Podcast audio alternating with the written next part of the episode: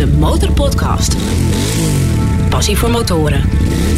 Met Dennis QC en Peter Kroon. Aflevering 73 van de nummer 1 podcast voor motorrijders en motorliefhebbers. Vanaf Motorbeurs Utrecht. En oh Dennis, wat is het gezellig Ja, druk het is hier. hè? ongelooflijk gezellig en we komen, de dag vliegt voorbij. Want er komen luisteraars binnen, vrienden van de show, eh, oud-gasten, nieuwe gasten. eh, gewoon mensen die even hun verhaal willen vertellen. Niet iedereen wil dat meteen achter de microfoon doen, maar ik heb zoveel mooie verhalen gehoord. Er is hier zoveel motorpassie na al die jaren dat de motorbeurs er niet is geweest. Dus heerlijk dat, het, dat we er allemaal weer mogen zijn. Ja, en heb jij ook al even een rondje gemaakt over de beurs zelf? Ik Even gewoon, daar eh, zo meteen nog even, want ik krijg ook een beetje honger. Omdat wij kijken hier uit de hele dag op de pizzeria en frietent. Dus we Ja. moeten zo meteen echt even een pizzaatje halen. En dan ga ik even een rondje maken, want er staat te veel moois op deze motorbeurs om het eh, niet te zien. Ja. Zullen we gauw naar onze volgende gast gaan? Dat is wel even, eh, absoluut. even belangrijk, hè? De Motorpodcast. Achter het vizier van... Achter het vizier van Mirjam Pol. Mirjam, welkom. Welkom. Ja, dankjewel. Leuk dat je er bent. Jij was de eer, of ja, Je bent? je bent nog steeds de eerste vrouw die ooit op de motor Parijs-Dakar eh, heeft gereden, toch? Ja, ja vanuit, eh, vanuit Nederland. En ondanks het feit dat ik ondertussen ook al ja, bijna 15 jaar meedraai... ik ben nog steeds de eerste en de enige Nederlandse dame eh, bij de motoren. Hoe is het zo gekomen? Ja, nou ja, in mijn geval ehm, ja, echt van de familie uit. Op mijn geboortekaartje stond al een motortje. En, ehm, want ik, had, ik heb al een, eh, een oudere broer, die reed toen al. Dus hij stond op de motor op mijn geboortekaartje met er, eh, de tekst ik heb er een zusje bij. En dat motortje kreeg ik toen ik vier werd. Oké, dus... Want ja, eh, de, de familie Pol, motorrijden zit volgens mij in jullie bloed. Jullie hebben geen, geen, geen bloed, maar euro 95 of 98. Ja, of, ja inderdaad.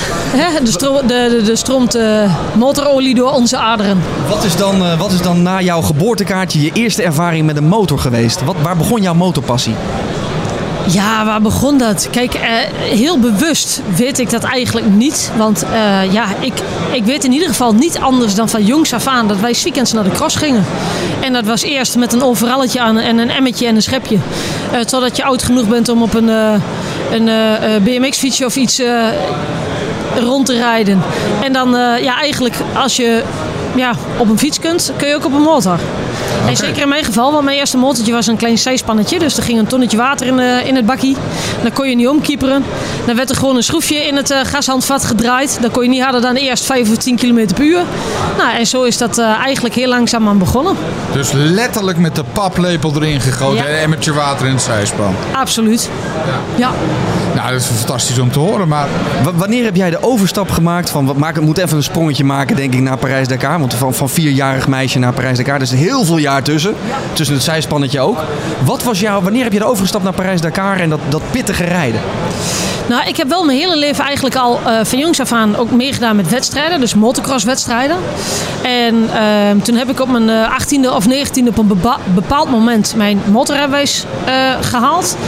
En toen pas ging bij mij een lampje branden van... hé, hey, ja, maar ik heb nou mijn rijbewijs. Dus nu kan ik eigenlijk nog veel meer dan wat ik eerder heb gedaan. Je kunt enduro gaan rijden, want daar heb je ook een motorrijbewijs voor nodig. Ja, en de Rally Parijs-Dakar. Het komt natuurlijk elk jaar, wordt het op televisie uitgezonden. Je ziet die prachtige beelden. Je ziet die, ja, toch over het algemeen mannen ploeteren in de woestijn. En ergens is daar een keer de gedachte gekomen. Ja, dat wil ik ook. Ja, maar Parijs-Dakar, dat, dat, dat, dat is wel even een dingetje natuurlijk. eh. Ja, het, eh, ten eerste zit er een heel ander kostenplaatje aan. Dat is al één. Probeer maar eens aan de start te komen. Zo simpel is het. Het is voor mij moeilijker om aan de start te komen dan aan de finish. Ik zeg altijd gekscherend, als ik aan de start sta, hoef ik hem alleen nog maar af te maken, uit te rijden. Ehm, maar natuurlijk is dat een heel dingetje. Ehm, kijk, ik kan echt eh, ik, ik kan leuk rijden en ik heb door de jaren heen alles bijgeleerd. Van het navigeer- eh, navigeren tot eh, meer technische kennis opgedaan. Maar vooral ook ja, heel anders en veel harder leren rijden. Ja, want eh, leg even uit, hoe zit dat met Parijs-Dakar? Moet je daar mensen omkopen? Of wat, wat kost het überhaupt om eh, daar aan de start te mogen verschijnen? Ja, nou ja, je hebt eh, in principe, zeg maar, in mijn geval, ik rijd bijvoorbeeld in Dakar rijd ik met een team. En je koopt je gewoon in. Dus ik ga bijvoorbeeld naar jullie twee. Jullie hebben allebei een team. Ga ik eerst naar jou, dan zeg ik van nou, wat kost het? Wat zit er bij in, wat zit er niet bij in? Dan vraag ik dat vervolgens ook aan jou. Of in ieder geval naar de teams waar ik in geïnteresseerd ben. En vervolgens ehm, maak ik een keuze, een beslissing van nou, wat, welke kwaliteit wordt er geleverd en wat kost dat mij. En daarna, dan heb ik de keuze gemaakt. Dan krijg ik voor mezelf het plaatje wat het moet gaan kosten steeds meer rond. Want het is natuurlijk niet alleen een team. Ik heb ook een motor nodig. Ik, heb ook, eh, ik moet de inschrijving kunnen betalen. Ik heb vliegtickets, hotels, eten, drinken enzovoorts. Kleding. Eh, er komt veel meer bij kijken. Ehm, ja, en dan ga ik op pad. Welke mensen willen mij ondersteunen? Eh, ik probeer eh, ja, een, een, een prachtig avontuur aan te gaan. Maar zoiets echt, en zeker in dit formaat, dat kun je en dat doe je echt niet alleen. Daar zijn heel veel mensen bij betrokken. Nou zie, nou zie ik een, eh, heel veel van die sponsoren op jouw trui staan nu. Het zijn er een stuk of tien. Niet de minste namen staan erop. Merk je verschil tussen sponsoren die mannen of vrouwen willen sponsoren? Ehm, of ik daar zo 1, 2, 3, dan moet ik eigenlijk even kijken. Welke spons? Ja, nee, nee ik zit even gewoon dan, hè, de, de, de, de, last van de bedrijven, de mensen die erachter staan. Zit ik even te kijken van hoe zitten ze in elkaar. Ehm, ik denk voor sommigen wel en voor sommigen niet. Maar het is in de meeste gevallen niet zo dat er eh, ergens een beleid is van... Goh, wij willen vooral vrouwen ergens in ondersteunen. Het is ook veel, eh, zijn het auto- of motorsportliefhebbers... die het toch wel gewoon heel erg gaaf vinden dat ik daar als vrouw zo goed presteer. Ja. Hey, maar eh, nou is dit een hele Nederlandse podcast. Hè? Dus willen we graag dan ook even weten, wat kost dat dan? Hè? Bedoel, als je zoveel sponsors nodig hebt om überhaupt aan de start te mogen verschijnen. Waar hebben we het over? Ja, dan stel ik gelijk even een paar vragen terug. Want ik kan, eh, ik kan een goede indicatie geven. Wil je met team? Wil je zonder team? Wil jij zendtijd?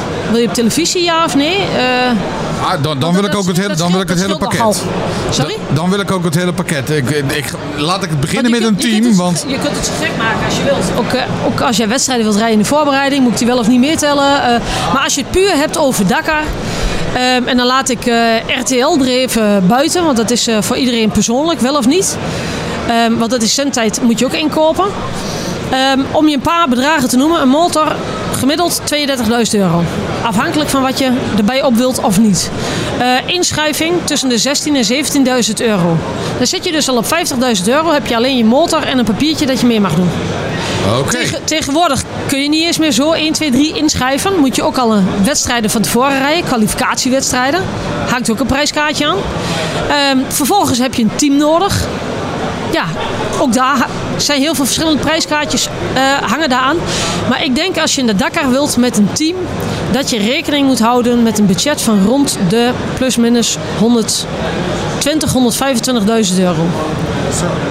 Wat een, eh, wat een enorm bedrag. En dan moet je ook nog, wil je in beeld komen bij, bij RTL, moet je daar ook nog apart voor betalen. Dat klopt, maar dat is wel een wisselwerking. Kijk, want ik kom ook bij mijn sponsoren en dan zeg ik van ja, maar moet je luisteren. Ik kom 10 minuten op televisie, hij niet. En Nederland is een van de weinige landen, en daar ben ik juist heel erg blij mee. Een van de weinige landen die gewoon elke dag een uur uitzending maken over de Dakar. In de meeste landen is het niet het geval en moet je doen met, een, volgens mij is dat een half uurtje van Eurospot. En die zenden dus alleen de fabrieksjongens uit. Ne- Neem ons even mee naar jouw eerste Dakar rally die jij reed als vrouw.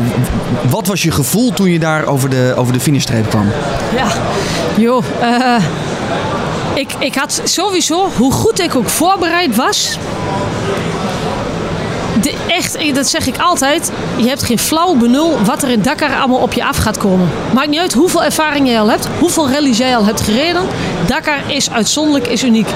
Ehm, de, de, de, gel, de gelden hele andere eh, regels en wetten, wil ik haast zeggen. Er zijn dingen die, gewoon, die je niet kunt bedenken, die gebeuren in Dakar. Wat Terwijl- komt er dan zo al op je af? Ja, wat komt er zo al op je af? Behalve de dagen, zand. De dagen, eh, wat dacht je van eh, regen en modder en kou? En eh, tentjes waar je in ligt in plaats van hotels met de andere rallies. Dan lig je heel vaak in een hotel. Ehm, dit jaar ook. De- iedereen denkt wel van ja, Dakar en hoe gaat dat bijvoorbeeld met kleding? Nou, het eerste wat ik zeg is je moet een skipak hebben. Een skipak. Ik zeg ja, of een motorpak wat tot min 5 of min 10 gaat. Ja, hoezo dat dan? Ik zeg wij vertrekken midden in de nacht. Ik zeg om 3, 4 uur rijden wij het bivak al uit in het donker. Ik zeg het is 5 graden plus minus tussen de 5 en de 10 graden. Ik zeg als het dan regent. Ik zeg eh, hoe, hoe wil je dat gaan doen? Ik zeg wij zijn, eh, wij zijn al doodgevroren voordat we bij de start aankomen. Ik zou bijna zeggen, waar begin je aan, meid? Ja, dat gaat tenminste nog. Dan bij de start laten we al die warme kleding achter. En eh, dan begint de wedstrijd. Dan hebben we onze normale off-road kleding aan wat je gewend bent.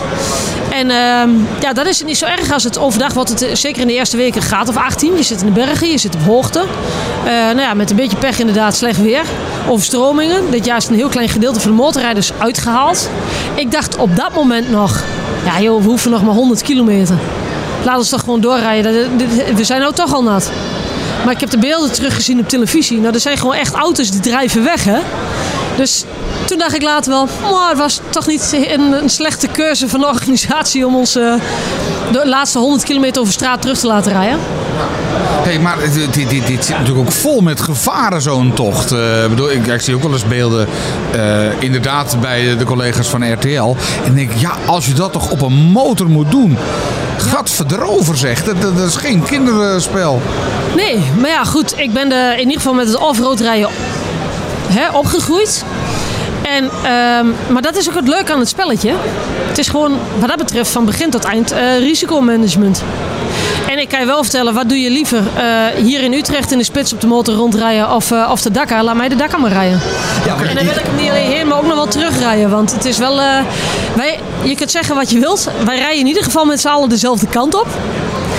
Mochten we per ongeluk een tegenligger krijgen, dan gaat er een alarmpje af op de motor. Dus ik voel me daar veel veiliger dan hier in het verkeer. Ik rij ook wat dat betreft niet, ik rij niet op straat. Ik heb geen motor ook niet voor op straat. Ik heb mijn rijbewijs omdat ik hem nodig heb, maar eh, nee, daar maak je mij niet blij mee. Dat is, eh, dat is bijzonder, want eh, meestal vragen wij aan, aan, onze gasten waar rij je op, maar je hebt geen straatmotor dus. Fiets op, straat fiets, en, in, en in een auto. Hè? Hè? Wat, En vrachtwa vrachtwagenrijbewijs heb ik en dat soort dingen. En ik, ik kan bijna overal op of, of in wat dat betreft. En waar heb je Dakar mee gereden? Of waar rijd je Dakar mee? Ik heb een eh 4,5 eh Husqvarna rally replica. En nou ja, goed, iedereen weet wel, de, of tenminste de echte motorkenners. KTM, Husqvarna, gas, gas is allemaal hetzelfde. Eh, dus, dus dat. En op rallygebied eh, ja, wil je echt een, eh, een, een goede, zoals wij dat dan zeggen, hufterproof motor hebben. Zit je eigenlijk wel aan zo'n motor vast. Want er is niet heel veel... je kunt verder niks... de, de- je kunt geen Honda kopen, je kunt geen Yamaha kopen. Er, er is verder niks. Wat is er rallyproef gemaakt aan die Husqvarna? Nou, ze, ze komen zo gewoon kant-klaar uit de fabriek als rallymotor. Ehm, ga je naar een ander merk, dan koop je eigenlijk al een enduromotor die je moet ombouwen. Dus de blokken zijn gewoon niet gemaakt voor rallyrijden. Ehm, en om het nu even over mijn eigen motor te hebben dan... ehm, ik noem hem hufteproof. De frames zijn net sterker. De spaken, de wielen. Eh, er zitten eh, drie grote tanks op. Twee voor, één achter. Want we hebben natuurlijk niet om de 100 kilometer een, eh, een tankstation. Midden in de woestijn. Dus ja, in zijn totaliteit is alles gewoon net beter, sterker. Beetje zwaarder, robuuster. En ga, ga je zo'n ding dan ook eh, ja, even proberen? Kijken hoe, hoe hufterproof die is? Dat, dat, ik doe het wel eens, maar dat is niet, nooit de bedoeling. nou ja, dat, dat stel ik me dan zoiets bij voor. Dat je denkt van, nou, Maar ik, ik- heb hem, eh, di- ik ben eh, toevallig dit jaar, de tweede etappe, heb ik echt een serieuze crash gehad. En eh, ja, de één tank eh, wel wat beschadigd. Ehm, en, en heel veel vooral eh kuipruitje en plastic en dat soort dingen. Maar de motor zelf, zolang de motor het maar blijft doen, zolang er maar geen stuur afbreekt. en zelfs dat met een gebroken, afgebroken stuur kom je ook nog een heel eind. Nou, Over heel eind gesproken, je bent net terug, vijf weken. De laatste Ja. vijf weken geleden had je Dakar weer. Waar ben je geëindigd? Eh, eerste bij de dames en overal 49. Ik heb helaas ook nog dik een uur en kwart- los van die, van die crash heb ik 20 minuten verloren. Maar ik heb ook nog een uur en een kwartier verloren met eh, technische problemen. Dus dat vind ik wel heel erg jammer. Maar het is wel zo, eh, als je kijkt naar het aantal fabrieksrijders wat er zijn. eh, of in ieder geval heren die er echt van, van leven. Dat zijn misschien een stuk of 30 in de Dakar. En ehm, ja, dan zit ik eigenlijk gewoon bij de beste 20 amateurs van de wereld. Dus Ah, noem het maar amateur. Ik bedoel, ja, nou, wij- het stomme is, wij zijn amateur, maar er is helemaal niks amateuristisch nog aan, om het zo maar te zeggen. Wij zijn zo verschrikkelijk eh, professioneel met de sport bezig. We hebben alleen niet het budget om de volgende stap te maken. Daar komt het eigenlijk op neer. Nee, maar je zegt het even tegen de tussen neus en lippen door. Maar eh, eh, nummer 1 onder de vrouwen. eh, amateurisme, dat kan niet bij Parijs-Dakar. Want je, je moet serieus bezig zijn, wil je überhaupt het overleven. Je, je zegt het even hier aan tafel. Ja, sponsoren, daar leef jij van. Ja. Hiernaast heb je ook nog een andere baan. Nou ja, als je nagaat, ik ben ZZP'er, zeg maar een eenmanszaak. Dus ik ben behalve eigenaar, CEO, finance controller, marketing manager, chauffeur, monteur, schoonmaker. als ik dat allemaal goed heb gedaan, dan aan het eind en ik heb nog tijd over, dan kan ik ook nog een keer trainen of motorrijden. Dus nee, heel veel eh, hou ik daar eh, daarnaast qua tijd niet voor over. Maar waar leef ik dan normaal gesproken van? Eh, presentaties, evenementen, eh, dat soort dingen eigenlijk. Daar haal ik mijn inkomen uit. En met name de presentaties. Nou, je hebt al in de gaten, hè, ik praat vrij makkelijk. Maar dat doe ik dus ook nog professioneel. En dan heb ik ook echt eh, ja, professioneel be- beeldmateriaal. Elke presentatie waar ik heen ga. Ik heb aankleding. Ik zorg sowieso dat ik een rallymotor bij me heb. En dan, eh, ja, dan leg ik ook de, de vertaalslag zeg maar, naar het bedrijfsleven. Want dat, ik sta vaak voor eh, businessclubs of rotaries of nou ja, ik noem maar zo, zoiets. Mochten de mensen nu nog naar de motorbus komen en jouw verhaal hier nog willen horen, wanneer kan dat? Oeh, dat wordt heel lastig. Want ik ben op donderdag altijd heel sneaky zelf aan het rondlopen. Mijn eigen afspraken aan het eh, langsgaan. Maar mijn motor staat in hal 7. eh, bij Puteline op de stand. En ik heb al heel veel mensen gezegd dat ik 4 uur, half 5 bij mijn motor ben.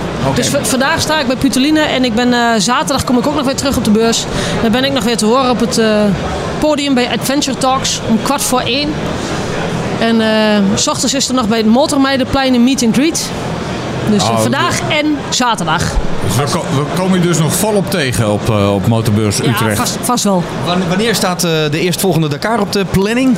Ja, ik ben net terug, hè, dus over een jaartje. Ja, en wanneer begint die voorbereiding? En nu? Ja, daarom vroeg ik het. Ja, is al, absoluut, die is al begonnen. Eh, dat begint altijd al eigenlijk, dat klinkt heel stom, maar met de, met de evaluatie van de vorige. Wat ging goed, wat ging niet goed. En ondanks het feit dat ik het al heel veel jaren doe, elk jaar zijn er verbeterpunten en nog steeds word ik elk jaar ook beter. Want, ja, Nou, goed. la- la- laten we ze even doornemen. De verbeterpunten. Ik, bedoel, eh, ik, ik ben benieuwd. Wat, wat kan er nu nog beter? Eh, voor Je mij- bent al eerste geworden hè, bij, bij de Ja, vrouwen. nou, ik dus. moet dus een keuze maken. Dit jaar onder andere ga ik bijvoorbeeld één of twee wedstrijden laten vallen. Om meer te kunnen gaan trainen. Want het is ook een budgetkeuze. Hè? Want ik wil eigenlijk meer trainen op de stenen. Zand hoef, je, eh, hoef ik niet bang voor te zijn. Het is heel makkelijk. Wil je mij in het zand verslaan, moet je echt van hele goede huizen komen. In de duinen in met een rallymotor. Ehm, dus daar ben ik ook al beter dan mijn concurrentie. Alleen ik merk dat het op de stenen ben ik lang niet altijd de snelste.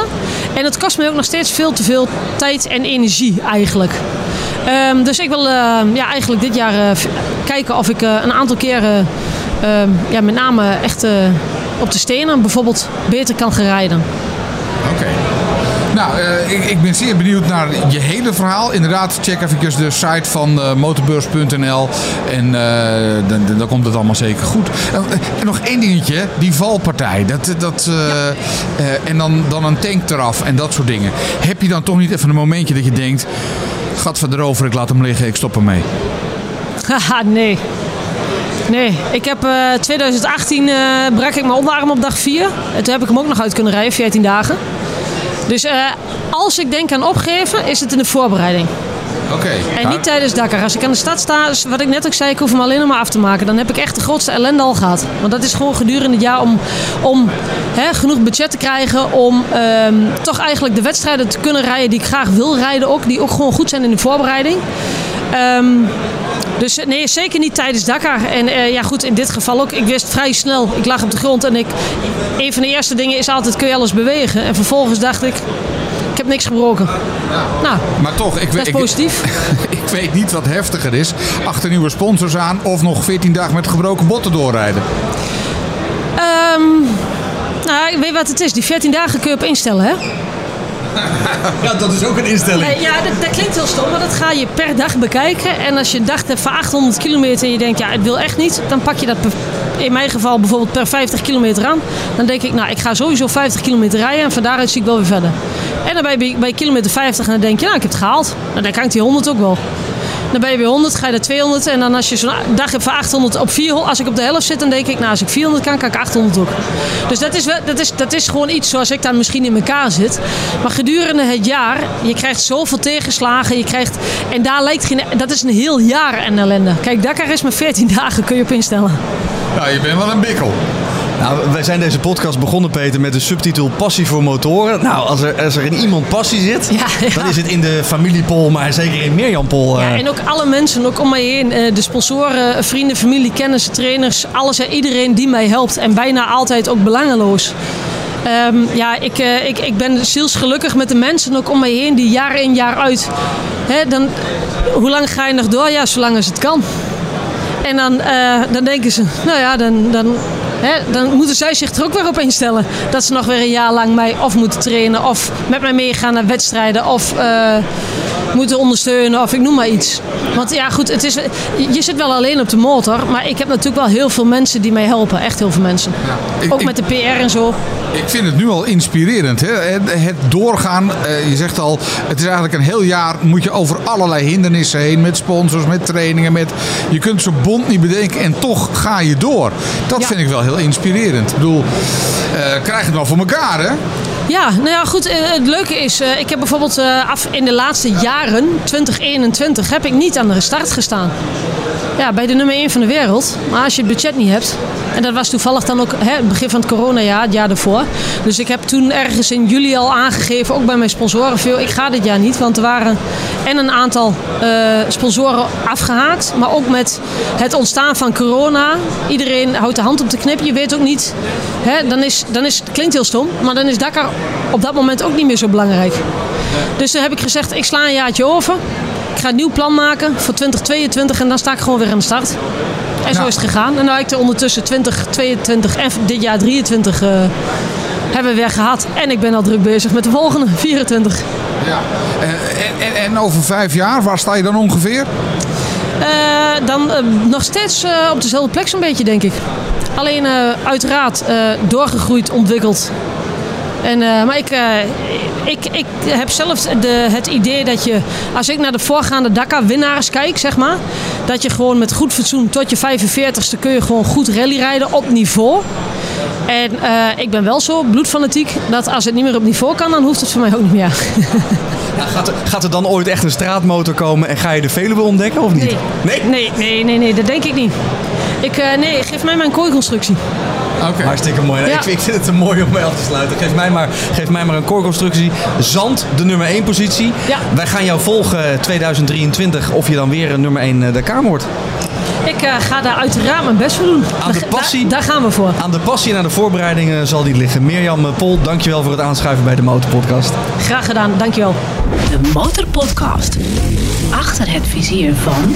Achter het vizier van eh, Bobby van Magic Motorcycles. Een oude bekende. Ja, eh, oude bekenden komen we ook tegen hier eh, in, eh, of op, bij de motorbeurs. Tof dat je er bent. Ja.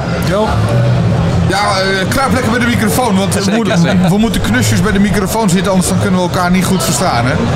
Ja, ja eh, het is een drukke beurs. Hè? Ja, het, is, het is absoluut, het is hartstikke druk gewoon. Ja. Druk maar gezellig. En jij zat eerder in aflevering 59, toen Ja. nog eh, in onze studio in Hilversum. Eh, de man van Magic Motorcycles, de man die alles kan maken wat je maar wil.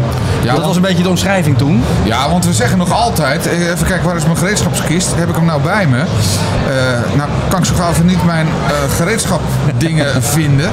Ja, dat heb je met zo'n beurs, hè? Dat hij even, ik, ik heb wel deze, maar dan wil hij dus niet. Kan je dit ook verhelpen? Ja, dat is wel een nieuw accu als eerst. eh. Nou, er wordt een nieuwe accu, deze. maar dat is een auto. eh. Is dat een auto? Oh, Dat is de auto die... ik, ik dacht dat dit een eh, kapotte motor was. Hey, wat, wat is er gebeurd sinds aflevering 59? Oh, verschrikkelijk veel. We hebben, een, we hebben een hoop motoren gebouwd natuurlijk. Ehm, we, hebben, we hebben de Big Twin Bike Show gehad, waar drie motoren op verkocht zijn. We zijn lekker door aan het bouwen geweest. eh, voor klanten, voor, eh, naar eigen inzicht. En eh, ja, daar staan we hier ook natuurlijk weer mee op de motorbus Utrecht.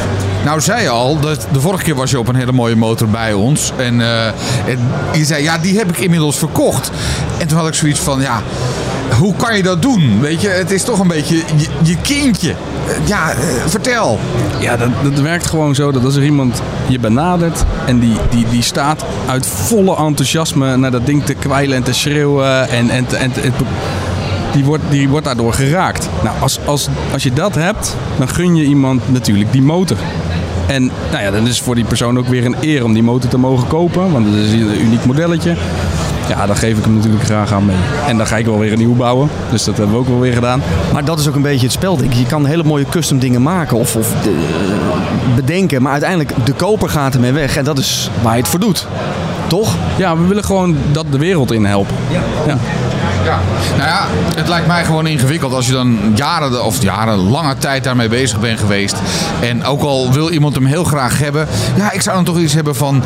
Ja, het is een beetje mijn dingetje. En eh zonde om hem dan weg te doen.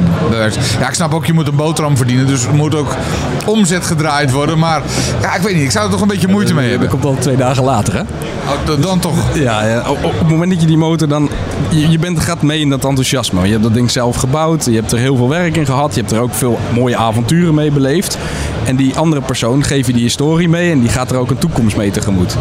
En dan eh, in al dat enthousiasme eh geef je die motor mee. Wens je hem veel geluk. En dan is hij weg. En dan hoor je het geluid niet meer in de straat. En dan valt er eerst stilte. Oké. En dan eh, kom ik weer terug naar binnen lopen. En vaak zit daar dan iemand die mij dan aankijkt met vragende oogjes. En dan zit mijn kopje naar beneden. En dan denk ik, oh. Maar moet je, moet je toch even mij- naar de psychiater op zo'n moment? Ja, nou, volgens mij is hij nou wel echt weg. Zeg maar. Oké. Ja, dat duurt dan eh, na- twee dagen. Dan, eh, dat duurt wel twee dagen eer dat je daar weer een beetje van herstelt. En ideeën over gaat doen om het weer, eh, weer wat nieuws te bouwen. Ja. Maar, maar uit zo'n ver- verkoop ontstaat dan weer nieuwe ideeën en dan ga je er weer vol gas tegenaan. Ja, maar ik heb, ik heb ook die, die, die koper die die motor gekocht heeft, die heb ik regelmatig aan de telefoon. Die, die belt af en toe een keer, hoe zit dit ook alweer, of hoe zit dat ook alweer, of eh, ehm, kan je me hiermee helpen, of heb je nog een advies, of eh, kunnen we nog iets anders aanpassen naar mijn eigen wens. eh. en zo bouw je eigenlijk ook alweer een, een band op met die, met die nieuwe klant. Dus hij is niet helemaal uit het oog. Maar het komt dus gewoon voor als zo'n ding al helemaal custom-made gebouwd is. Dat een klant zegt van nou, ik wil toch nog... Nou, vul maar in, extra uitlaten, weet ik veel. Grotere cilinders erop of zoiets. Nou, wat, wat, wat, wat vaak heel persoonlijk is op, op zo'n bike, is bijvoorbeeld de hoogte van het stuur of de stand van het stuur of eh, de, de hoek van de bedwing. En ieder, ieders lichaam is anders, ieders rijbeleving is anders. Dus de een die wil eh, ja, net even wat dichterbij, net iets hoger, net iets lager. En dat soort personaliseringen doen we gewoon eigenlijk heel veel. En eigenlijk als je bij onze motor komt, kan je, kan je altijd even terugkomen om dat weer even te, aan te passen, zeg maar. Echte, echte custom bikes. Wat voor eh, nieuwe projecten staan er nu in de werkplaats? Heb je nog spannende avonturen beleefd met eh, sekspoppen en... eh, Zoals in eerdere zoals in de eerste aflevering. Mensen die dit verhaal niet gehoord hebben, ga aflevering 59 beluisteren. Of heb je nu gewoon normale inkoop gedaan? En, eh, Nee, nou, eh, kijk, we, we komen nu net de winter uit, zeg maar. Hè. We hadden veel projectjes. Er staan een paar Harleys binnen, waarvan er eentje een elektrisch probleem heeft. Nou, daarvoor eh, had ik wat onderdelen nodig. Een heel oud modelletje. Dus toen ehm, heb ik eh, Dave Willems even gebeld. Die zit vlak bij mij eh, in de buurt. Is ook een custombouwer. Ik heb gevraagd, heb jij nog zo'n sensortje liggen en zo? Heb ik het bij hem weer even opgehaald. Nou, zo, zo maak je een hoop avonturen met elkaar mee. En moet je het met elkaar doen. En die, ja, daar ben ik nog steeds mee bezig. En soms gooi ik het aan de kant omdat het weer gefrustreerd is, omdat het er weer even niet lukt. Maar tuurlijk, uiteindelijk maken we alles. Ehm, uiteindelijk komen er hele mooie motoren uit. En ja, qua avontuur, er staan wel een paar mooie avonturen op de planning voor dit jaar. Want ehm, Ja, vertel. Hè. Er zit een feestje aan te komen onder andere, ja, toch? ja, zeker. We, ehm, Je praat er professioneel naartoe. Zo- Zoals je, zoals je weet hebben wij een dependance in Roemenië. Eh, waar, van, van- vanaf waaruit wij zeg maar, het oosten van Europa bedienen. Want naar Amerika exporteren we eigenlijk niet en naar Azië ook niet. Maar naar het oosten van Europa en naar het zuiden van Europa, dat doen we wel. Het zuiden van Europa doen we gewoon zelf vanuit, eh, onze, vanuit onze eigen eh, Nederlandse eh, vestiging. En in Roemenië hebben wij eh, in Sibiu, dat is een grote stad in Roemenië, hebben wij een dependant zitten. En in, ehm, in, van de zomer hebben wij daar op een zaterdag een optocht. En daar hebben 600 motoren van zes- 600 motorclubs hebben daar eh, zich aangemeld. Of 600 eh, motorrijders die bij motorclubs rijden, die hebben zich aangemeld in totaal. En dan gaan we een optocht eh, door de stad naar binnen toe cirkelen met een hele grote trailer. waar een live band, dat is een van de grote bands daar, dat heet Revolver, daar live muziek op speelt door die stad heen. En s'avonds eindigen ze in het centrum waar een concert gegeven wordt. En dat vinden ze daar in Roemenië geweldig. Dat die Hollanders dat nou eens even lekker komen doen daar. Nou, ja, we- iedereen is welkom. Dus vanuit heel Europa kunnen we, kunnen we daar naartoe. Want eigenlijk wordt, is dat een soort promotieritje. Er wordt ook op nationale televisie daar uitgezonden. Voor de week daarop. Waarop we een driedaags festival hebben. Dat is een festival met een goed doel. Voor zieke kinderen daar zo. En ehm, ja, dat is eigenlijk een promotie om daar drie dagen lang op het festival te zijn. Daar zit, dat is in Lotrioara, dat ligt in de vallei waar Dracula heeft gewoond. Oh, een lekkere plek ook, hè? Ja, daar loopt ook de, de, de mooiste motorroute ter wereld doorheen. En dat is de Transfagarasan. En de Transfagarasan staat onder de motorrijders, onder de autorijders, eigenlijk wel bekend als, als gewoon de mooiste route om te rijden. Dit moet je eigenlijk gewoon een keer in je leven hebben gedaan. En in die vallei, waar die Transfagarasan doorheen loopt, organiseren wij daar gewoon een festival waar ja, alle, alle motorrijders uit heel Europa eh, terecht kunnen. Loopt een riviertje en een beekje langs met een camping eraan, waar mensen gewoon kunnen badderen en doen en een barbecue'tje maken. Het is echt een bikerfestival. Maar je hebt het over al 600 inschrijvingen. Is er nog ruimte voor andere motoren? Of zit je al vol? Ehm, we, we zitten niet vol. Eh, we, we kunnen eigenlijk die, die, die stoet die kan gewoon mee. En het festival is, ja, daar kunnen we gewoon 50.000 tot 100.000 mensen kwijt. Dus het is, het is, we, hebben, we hebben de hele vallei een soort van. ehm, ja, we hebben gebruiksrecht gekocht. Dus we kunnen daar gewoon. De, we hebben het gebruiksrecht voor 10 jaar gekocht. We kunnen 10 jaar lang. eh, En, en hoe, hoe heb je dat in, eh, eh, ik wilde zeggen godsnaam, maar dat kan natuurlijk niet meer. Hoe heb je dat voor elkaar gekregen? Want dat is wel even wat, een festival met zoveel mensen en dan voor tien jaar. En dat is geen kattenpis. Ja, daar Roemenië gaat natuurlijk op iets andere manier. Daar, daar, daar bel je gewoon even aan bij de lokale gemeenteambtenaar. En dan zeg je, hey, ik ben die en die van daar en daar. En eh, dit is mijn maat en die werkt daar eh, voor mij. En nou ja, dan gaat dat veel lokaler. Eh, het is een heel klein gemeentetje. Er wonen weinig mensen. Het is een natuurgebied. Dus je, ja, het is allemaal ja, net, iets, net iets anders dan dat we hier in Nederland kennen hoe we dingen regelen. Eh, maar we- er gaat gewoon één keer in de twee maanden transport op en neer van Nederland naar Roemenië. Eh, waarin wij de custom bikes die wij aan die kant eh, hebben verkocht, worden daarheen getransporteerd. Ja, als je echt connectie wil maken met je klant, dan moet je daar gewoon één keer in het jaar zijn. Zodat mensen je ook even de hand kunnen schudden, een praatje kunnen maken of dingen kunnen. En, en dat schept ook meer, meer band en meer vertrouwen. Het is gewoon gaaf om te doen natuurlijk. Hoe, hoe heet het festival? Het heet op dit moment heet het Sasha's Bike, Bikers Festival. En dat komt omdat mijn compagnon daar eh, B- Sasha heet. Eigen- Op zich logisch. nou, eigenlijk is het zijn zoon die Sasha heet. Hij heet zelf Raresh. En zijn zoon heet Sasha. En we hebben eigenlijk als een ode aan zijn zoon hebben we dat daar de naam daar gegeven. En dat heeft te maken met het feit, er is een hele onbekende ziekte. Waarop eigenlijk van kinderen eh, de huid en de handen afsterven en steeds korter worden. En eigenlijk niet zo lang te leven. Het is een hele onbekende ziekte. Het heet de ziekte van de butterflies. Als we dat even vertalen. En ehm, om dat extra aandacht te geven, hebben we eh, dat, dat, festival, de opbrengsten daarvan gaan naar de stichting die die ziekte onderzoekt en steunt. Oké, dus dat zit, er ook nog bij. Een, een goed doel. Ja, er zit een goed doel bij. Ja. Eh, Kan iedereen vanuit Nederland die een beetje custom bike heeft zeggen van nou ja, dat vind ik leuk. Ik ga naar het Sasha Festival toe. Ja, iedereen kan naar het Sasha eh, Bikers Festival. Maakt niet uit wat voor motor je rijdt. Het is wel echt een, een motoraangelegenheid. Maar het is wel ook een beetje een muziekfestival. Dus we hebben een mooie line-up. Ehm, we hebben daar eh, eh, diverse eh, lokale bands. Die, eigenlijk nationale bands in Roemenië. Er zijn wel grote bands daar. En die, eh, die spelen daar vanaf 's middags drie uur tot 's avonds een uur of twee eh, door. Dus het is, het is vertier. Er hangen daar eh, varkens aan het spit. En eh, er zitten heel veel Lekker lokale eten, kaasboertjes bij. En, eh, ja. Als je wil aanmelden, dan moet je naar Magic Motorcycles. Nee hoor, gewoon gaan. Maar hier Eh, moet je toch aanmelden? We hebben op Facebook... eh, nee, je hoeft niet aan te melden. Je mag gewoon heen. Eh, je hoeft je niet op te geven. Eh, als je er naartoe rijdt, mag je gewoon binnenrijden. Kaartje voor het hele weekend is omgerekend eh, 30 euro. En ehm, eh, je, kan, je kan op Facebook of op Google gewoon intoetsen Shasha Bikers Festival.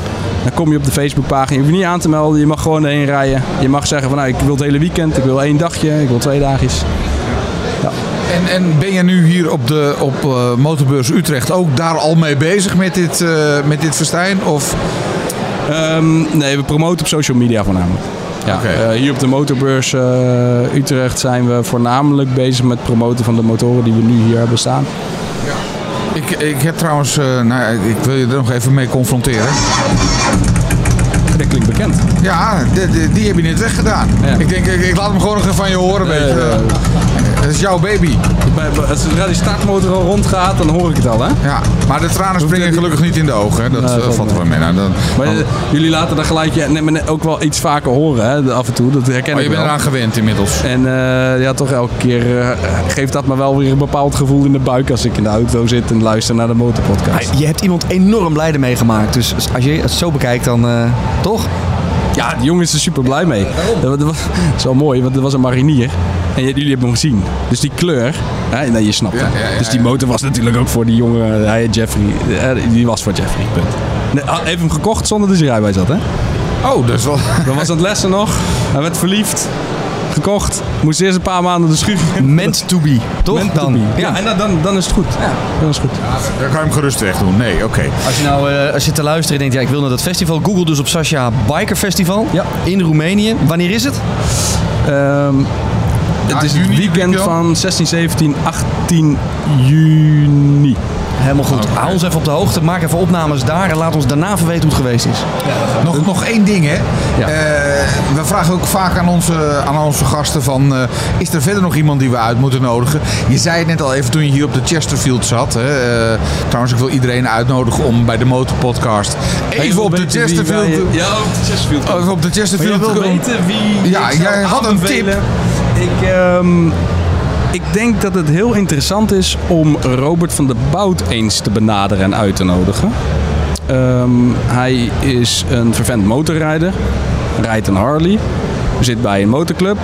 Ehm, en hij heeft een paar boeken geschreven, heeft een aantal theatershows. Eh, ik denk een welbespraakt persoon die ehm, denk ik wel antwoord kan geven op al jullie vragen. Ja, want ik heb al een keer tegen je gezegd... ik zou graag een keer iemand echt een full-collar eh, biker uit willen nodigen... van een Mhm. echte motorclub. En toen zei je, nou, dan moet je hem hebben. En ik garandeer je veiligheid. dus jij komt, jij komt met een aantal mannen mee. beetje zenuwachtig. Nou die- ja, ik heb Ja. wel zoiets van... eh, zeker als mijn veiligheid gegarandeerd moet worden... door, Nee, maar dat- door Bobby van Magic Motorcycles. Nee, dat is nergens voor nodig. Ehm, het, het zijn super fijne mensen.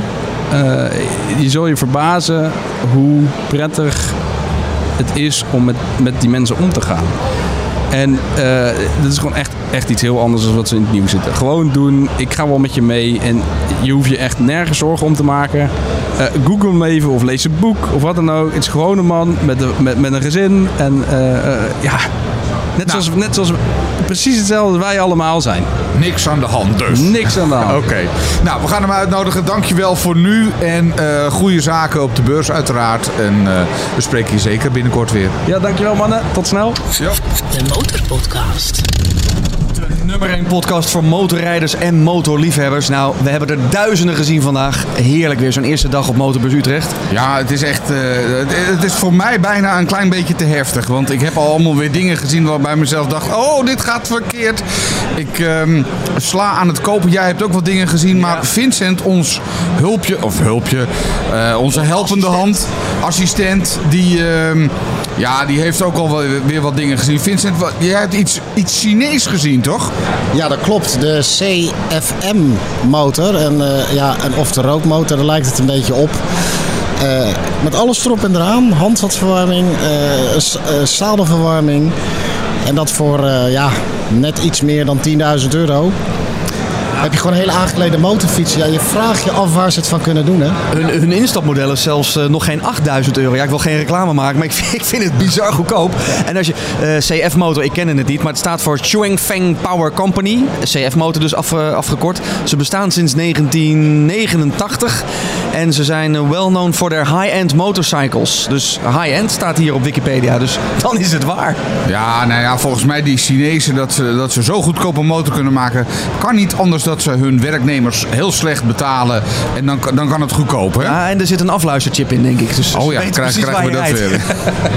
ja, dat, dat, dat, dat is wat met die Chinezen. Die houden je in de gaten. Tenminste, als je de media moet geloven. Aan de andere kant denk ik, ach, het valt misschien wel mee. Wat eh, vond je verder van de beurs, Vincent? Nou, geweldig. Wat mij ook opviel, en ik weet niet of jullie dat ook is opgevallen, dat al die eh, reisaanbieders er zijn. Ik had gezien de Parel of eh, Zuid-Afrika. eh, een 21-daagse rit door Namibië, Zimbabwe. eh, route 60 of 26, Marokko Bike Tours. Geweldig. Je vliegt naar Casablanca.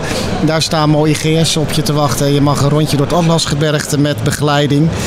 En wat ik ook erg leuk vond was het Bataroen Rouge, Rouge, sorry, Bataton Rouge eh, motorherberg gelegen in de buurt van Spa, drie landenpunt. Waar als je op eh, zaterdag aan het einde van de middag aankomt, gewoon kunt barbecuen. Hey, maar eventjes naar zo'n rit, zo'n georganiseerde rit door Marokko. Zou dat wat voor jou zijn? Dat je daar aankomt, uh, motorfiets staat klaar, je stapt op en hartstikke idee, daar gaan we. Nou ja, het lijkt me wel een hele beleving om dat te kunnen doen, ja. Dat lijkt me wel ontzettend mooi. En, en jij... eh, Ja, ik weet het niet. Ik ben toch eh, wat minder avontuurlijk ingesteld. Doe mij maar gewoon de Baton Rouge. Dan ga ik de Eifel en eh, het Zwarte Woud en eh, de Ardennen een beetje ontdekken. Laat mij Europa eerst maar doen voordat ik naar Namibië afreis hoor. maar eh, een georganiseerde reis, hè? Dat, dat is het dan. Is dat lekker veilig? Ik vind het toch met gewoon wat, wat motormaten zelf een route uitstippelen. En eh, leuke hotelletjes tussendoor. Dat is meer mijn, eh, mijn ding. Ah, Oké, heel duidelijk. Ja, want een, een hele hal vol met explore activiteiten. Hè, daar is echt alles eh, te zien als het gaat over reizen en doen. Dus wat dat betreft zit je goed hier bij de Nou, en ik zag onze vrienden en vriendinnen van eh, Jessica Maarten van Winding Wheels. Ik zag eh, Mitchell en Nadia van de Great Ride Along. Die waren allebei een presentatie aan het geven. Volle bak ook in die, eh, in die presentatiezaal. Dus inspiratie genoeg om op vakantie te gaan, jongens. Maar ja, er moet ook gewerkt worden hè, tussendoor. Ja, dat is mijn probleem ook. Eh, Vincent, hoe zit jij? Moet je, moet je ook nog werken of eh, ben je inmiddels klaar? Nee, nee, nee. Er moet ook nog gewoon gewerkt worden. Maar het zijn gewoon dingen die, eh, ja, lekker. Het is net een grote snoepwinkel, hè. Even lekker maken. Er zijn wel leuke ideeën opdoen. Ik zag ook een hal met allerlei tools, gereedschappen om zelf aan je motor te, te pielen. Ja, het is gewoon, het is geweldig. Het is gigantisch. En wat het leuke is, hè, dat je dus ook gewoon kunt testrijden hier. Dus voor de mensen die nog voornemens zijn om naar de motorbeurs te gaan. Als je je favoriete eh, motorfiets wil uittesten, kun je gewoon een testrit maken. Ja, ik ben er nog niet aan toegekomen aan het testrijden. Jij, Dennis? Nee, ik ook nog niet. En één tip vooraf. Je mag dus niet drinken, want je moet een blaastest doen vooraf. Wel slim waar? natuurlijk. Ja, ja, ja, ja. Nou ja, op zich ook wel logisch. Het zou wel zijn dat je met eh promillage 3 hier op een eh, testmotor stapt. Maar jij hebt, eh, heb je die CF heb je gereden? Ik heb de CF gereden. je hebt de BMW gereden. En ik heb op de BMW 1250 gereden. Eh, ja, twee totaal verschillende motoren. Maar ja, toch die, die CFM. eh, hij, ja, hij viel me niet tegen. En zeker niet. Ja, je kijkt dan toch, hè, we zijn Hollanders. Je kijkt toch naar het geld. Hè. Wat kost die onder de streep? Ja, dat eh, moet je voor de GS wel wat dieper, eh, dieper in de buidel tasten. Ja, dat is eh, bijna 30 toch? Als je helemaal compleet is. 30.000. Ja, inderdaad. En dan nog moet je de koffers erbij nemen. Dus daar ben je er nog niet.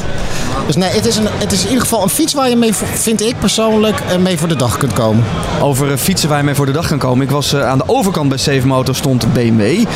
Ja, ik ga toch als Honda-rijder even bij de BMW-stand kijken. Er stond eh, de M1000RR. Nou, ik kwijlend daar naast die motor Dat is gestaan. een racemotor, hè? Ja, racemotor, van een het mooie, racen. mooie buikschuiver. Eh, volgens mij 34.000 eh, uit de doos. En dan een beetje de opties erbij. Kwam ik op 47.489 euro. Of ze er moesten inpakken of dat ik er meteen mee wegreed. Dus eh, En, en, en als je hem meteen mee zou nemen, krijg je dan nog een beetje beurskorting? Of, eh, nou, niet, nog niet naar gevraagd. Ja, volgens mij gaat het te goed in de motorbusiness. Dus eh, ik denk niet dat er heel veel korting in zit tegenwoordig. Ja, ik had met beurskorting bijna een klein crossmotortje gekocht voor het kleinkind. Maar goed, ik heb nog even gewacht. En heb je wel, wel iets anders gekocht? Ik heb overal staan kwijlen en doen. Het, het was weer verschrikkelijk. Hè? Ik bedoel, ik moet bijna een slabbetje om van het gekwijl. Ehm, maar ik, ik, ik heb een bordje gekocht. Zo'n zo'n authentiek eh, Harley bordje. Nou ja, authentiek. Gewoon een bordje met een ouderwetse Harley erop. Dat is nog best decent, toch? Ja, dat is... Dat, dat, was het en eh, Ja, je hebt eh, nog drie dagen te gaan. ik, ik, ik sluit niet uit dat ik nog eventjes helemaal los ga bij de snoepwinkel hier een, eh, een blok verderop. Want ehm, een van eh, de luisteraars van de Motorpodcast... Die kwam hier langs en die begon al over de, over de eerdere aflevering. Die zei van, ja, maar die motor waar je toen en toen over begon, die staat daar en daar. Heb je hem al geprobeerd? Ik zei, nou, goed dat je het zegt. Maar ik, ik vrees dat, ik, ehm, dat je hem op een, op een verkeerd spoor zet en dat ik hem dan wil hebben. Maar gewoon gaan gewoon gaan proefrijden, joh. Hij stond bij Lowlands, toch? Ja, ja, bij Lowlands. Lowlands. Nou, Ja. gewoon doen. Ja, Nee, heb je, ja, kun je altijd eh, jezelf eh, goed blij mee maken, toch? ja is het ook weer? Een feestje maken Ja. en zelf de slingers ophangen. Zo is het. En nog één vraag aan jou, Vincent. Want wij zoeken voor jou nog jouw oude motormaat. Klopt, we zijn nog steeds, of ik ben nog steeds op zoek naar Jelle de Vries uit uh, Voorschoten. We hebben destijds bij dezelfde rijschool gelest, eind jaren 90. Ehm, hij reed toen op ja, een, een Yamaha FZR en ik ben hem eigenlijk uit het oog voor. Lijkt me nog leuk om eens een keer eh, een kop koffie met hem te drinken, bij te praten. Ja, het mooiste misschien als hij nog motor rijdt, om nog eens een keer een leuke toertocht te maken. Jelle de Vries uit Voorschoten of omgeving. Ben jij of ken jij Jelle de Vries? Meld je bij de Motorpodcast. Gaan wij jou in contact brengen met, eh, met Vincent. Vincent, enorm bedankt voor je hulp hier vandaag op de Ja, motorbeurs. en mocht hij, zich, eh, mocht hij toevallig ook bezoeker zijn van de Motorpodcast eh, deze dagen, hier. kan hij zich aanmelden in hal 9. Hè? Daar, ja, ja, oké, ja, ja. heel goed. In hal ja, dan nummer meld je 9. dan aan. Ja, in hal nummer 9 kom je de motorpodcast tegen. Peter, we gaan hier nog even een klein feestje bouwen, rondje maken en dan inpakken. En dan is morgen dag nummer 2 van eh, de motorpodcast. We gaan nog praten met eh, Alice van de motorvering Oh, de en het offroad ja, ja, rijden. ja, ja. We gaan nog praten met Lucie van Geratel, want die heeft groot nieuws te melden. Ja, we hebben nog heel veel andere mooie motorverhalen. Meer mooie motormensen ontmoeten hier. Eh, voor Passie voor Motoren moet je bij de motorbeurs zijn. Eh, kom je niet, blijf dan deze podcast volgen. Doe dat eh, via de podcastplatformen of via demotorpodcast.nl. De Motorpodcast. Gratis in je favoriete podcast.